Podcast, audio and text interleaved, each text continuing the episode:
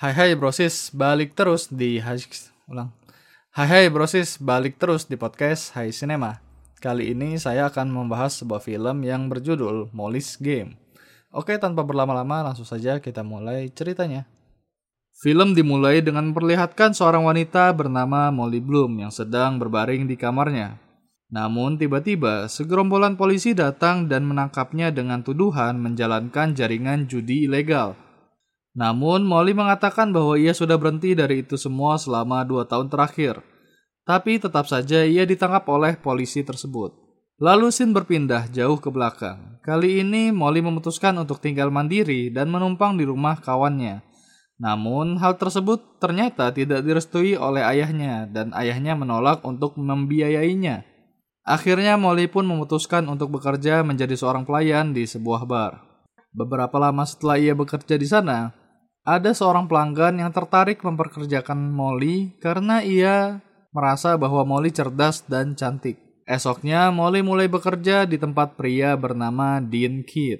Di sana, Molly menjadi asisten pribadi yang tugasnya adalah mengangkat telepon, membuat jadwal, dan yang lainnya sebagaimana asisten pada umumnya. Suatu hari, Dean meminta kepada Molly untuk menjalankan sebuah game poker. Dean memberikan list nama calon pemain beserta nomor telepon mereka agar Molly dapat mengundang mereka. Lalu permainan pun dimulai. Molly baru sadar bahwa ia satu ruangan dengan bintang film, sutradara, rapper, bahkan pebisnis kelas dunia. Ternyata orang-orang ini suka sekali menghabiskan uang mereka dan selalu all in di setiap taruhannya.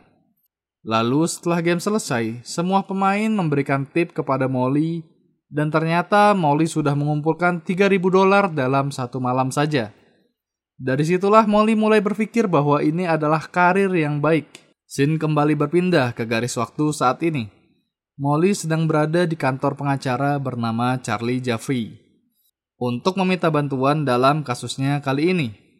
Ternyata kasus Molly semakin membesar karena pemerintah menuduh Molly bahwa ia memiliki hubungan rahasia dengan para mafia Rusia Molly menjelaskan bahwa ia tidak memiliki hubungan apa pun karena para mafia itu hanyalah pemain biasa di game yang ia adakan. Tentunya Charlie belum percaya dengan semua cerita dari Molly.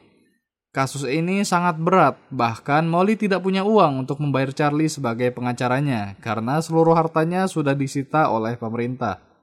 Namun pada akhirnya Charlie pun mau menjadi pengacara Molly dengan harapan buku yang Molly jual laku di pasaran.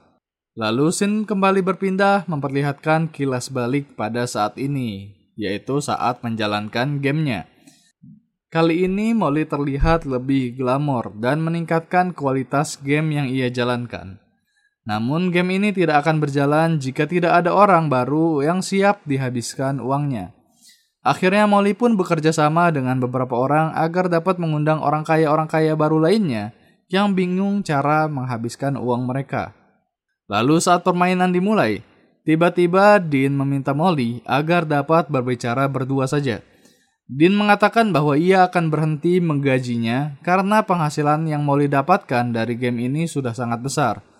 Molly pun tentunya menolak jika harus menjadi asisten pribadi Dean tanpa digaji. Namun Dean mengancam Molly bahwa ia akan kehilangan game ini jika berhenti menjadi asistennya. Lalu Molly pun memutuskan untuk membuat gamenya sendiri.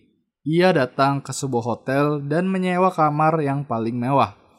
Kemudian dia pun menyiapkan barnya sendiri serta membuat semuanya terlihat profesional. Setelah semua persiapan selesai, ia pun mengundang seluruh pemain dan mengatakan bahwa game dipindahkan ke hotel Four Seasons yang sudah ia sediakan. Tamu pun mulai berdatangan dan semuanya berbaur dengan sendirinya. Lalu ada seorang yang bertanya di manakah Dean dan Molly mengatakan bahwa ia sekarang sudah menjalankan gamenya sendiri. Dan game pun dimulai seperti biasa. Sekarang Molly sudah menjadi raja atau ratu di gamenya dan menghasilkan lebih banyak uang tentunya. Lalu muncul ide untuk meningkatkan jumlah taruhan, namun dengan resiko bahwa pemain yang kalah akan sangat bangkrut dan hancur hidupnya.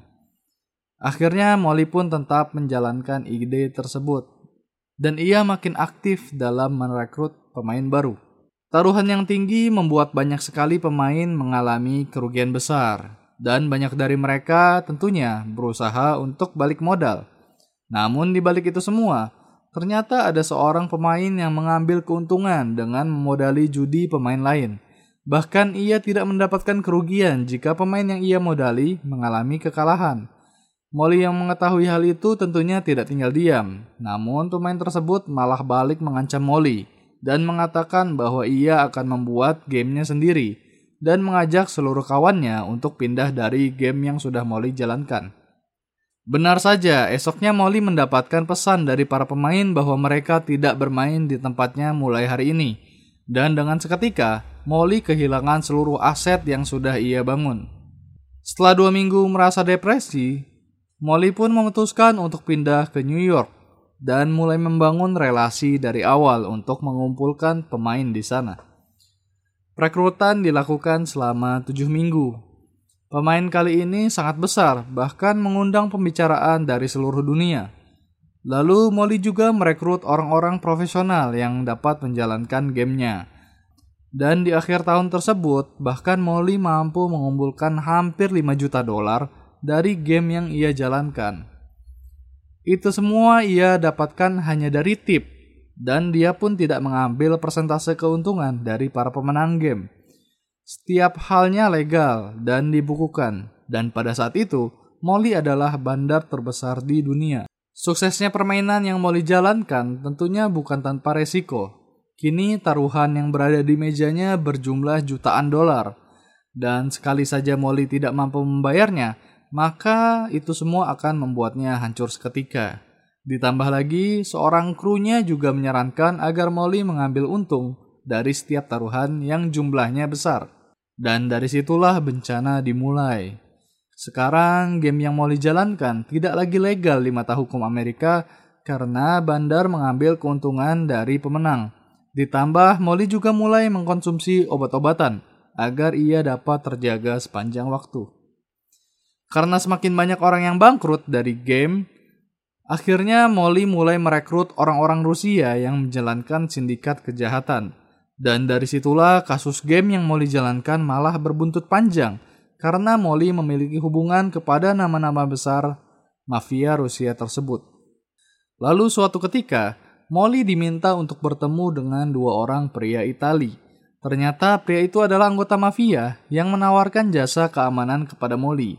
Mereka menjanjikan keamanan dan tidak akan ada yang dapat menyentuh Molly sedikit pun.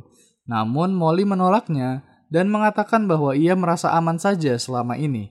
Akhirnya Molly pun pergi dari sana. Ternyata pertemuan itu berbuntut panjang. Mafia tadi mengirimkan anggota yang lainnya untuk memeras Molly secara langsung. Orang tersebut menghampiri Molly langsung ke apartemennya dan seluruh harta Molly diberangkas dikurasnya sampai habis. Molly juga dipukuli sampai babak belur dan terbaring di lantai.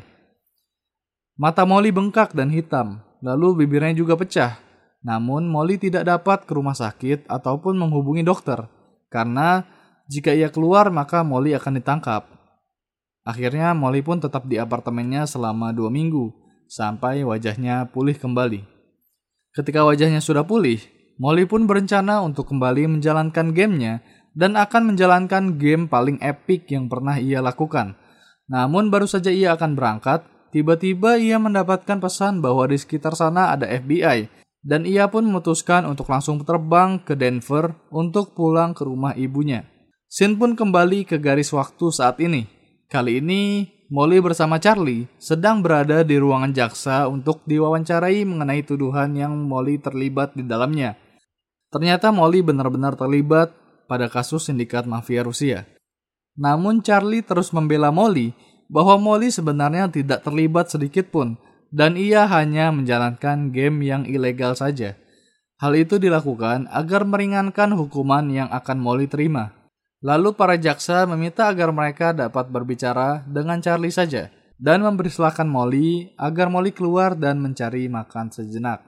Di saat sedang senggang, ia melihat ada lapangan ski dan memutuskan untuk bermain sejenak di sana. Molly kembali mengingat masa kecilnya yang ternyata ia adalah atlet ski profesional. Namun tiba-tiba saat Molly sedang main, ada seorang pria yang memanggilnya. Ternyata itu adalah ayahnya.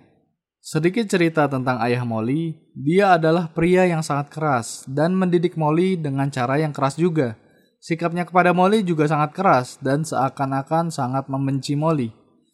Lalu mereka berdua pun berbincang. Mereka membahas masa lalu dan ayahnya yang seorang terapis memberikan Molly terapi singkat berupa pertanyaan-pertanyaan. Pertama-tama ayahnya bertanya mengenai kehidupan Molly, lalu sekarang Molly yang balik bertanya kepadanya. Molly bertanya mengapa ayahnya bersikap seakan-akan sangat membenci Molly. Lalu ayahnya menjawab bahwa ia tahu bahwa Molly tahu.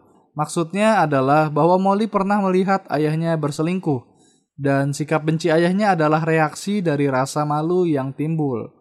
Ayahnya juga mengatakan bahwa sebenarnya ia sangat mencintai Molly layaknya ayah kepada anaknya.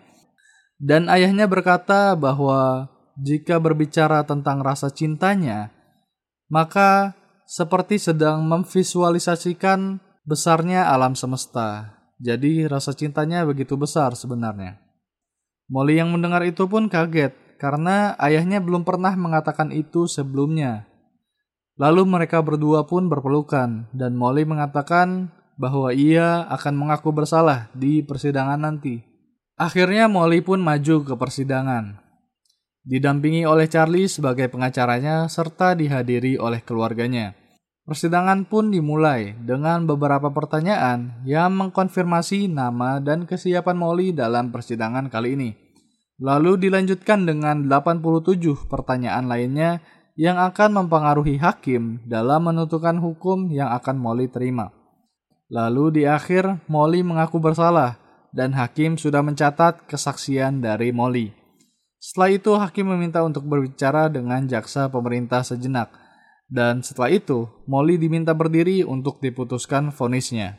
Lalu keajaiban pun terjadi Hakim mengatakan bahwa ia tidak setuju dengan rekomendasi vonis yang pemerintah sarankan, yaitu Molly dipenjara selama 15 tahun. Hakim mengatakan bahwa pengadilan ini terletak sejauh kita meludah ke Wall Street dan para pekerja di sana lebih layak dipenjara dibandingkan terdakwa yaitu Molly Bloom. Lalu hakim pun menjatuhkan hukuman kepada Molly hanya berupa 200 jam pelayanan masyarakat dan denda hanya sebanyak 200 ribu dolar saja. Dan itulah akhirnya, ada tangisan dan pelukan dari adik-adik Molly yang menghadiri persidangan.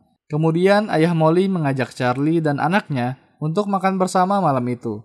Semuanya merayakan kemenangan yang Molly dapatkan di persidangan hari ini.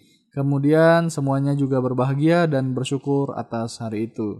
Dan film pun selesai. Film ini mengajarkan kepada kita bahwa sebenarnya berkata jujur itu lebih baik dan lihat keajaiban datang dengan sendirinya. Setelah Molly mengatakan dengan sejujur-jujurnya bahwa ia sebenarnya bersalah, malah hakimnya yang tidak setuju dengan kesaksian Molly dan hakim tersebut malah menjatuhi hukuman yang sangat ringan kepada Molly. Jadi berkata jujurlah, friend yoi.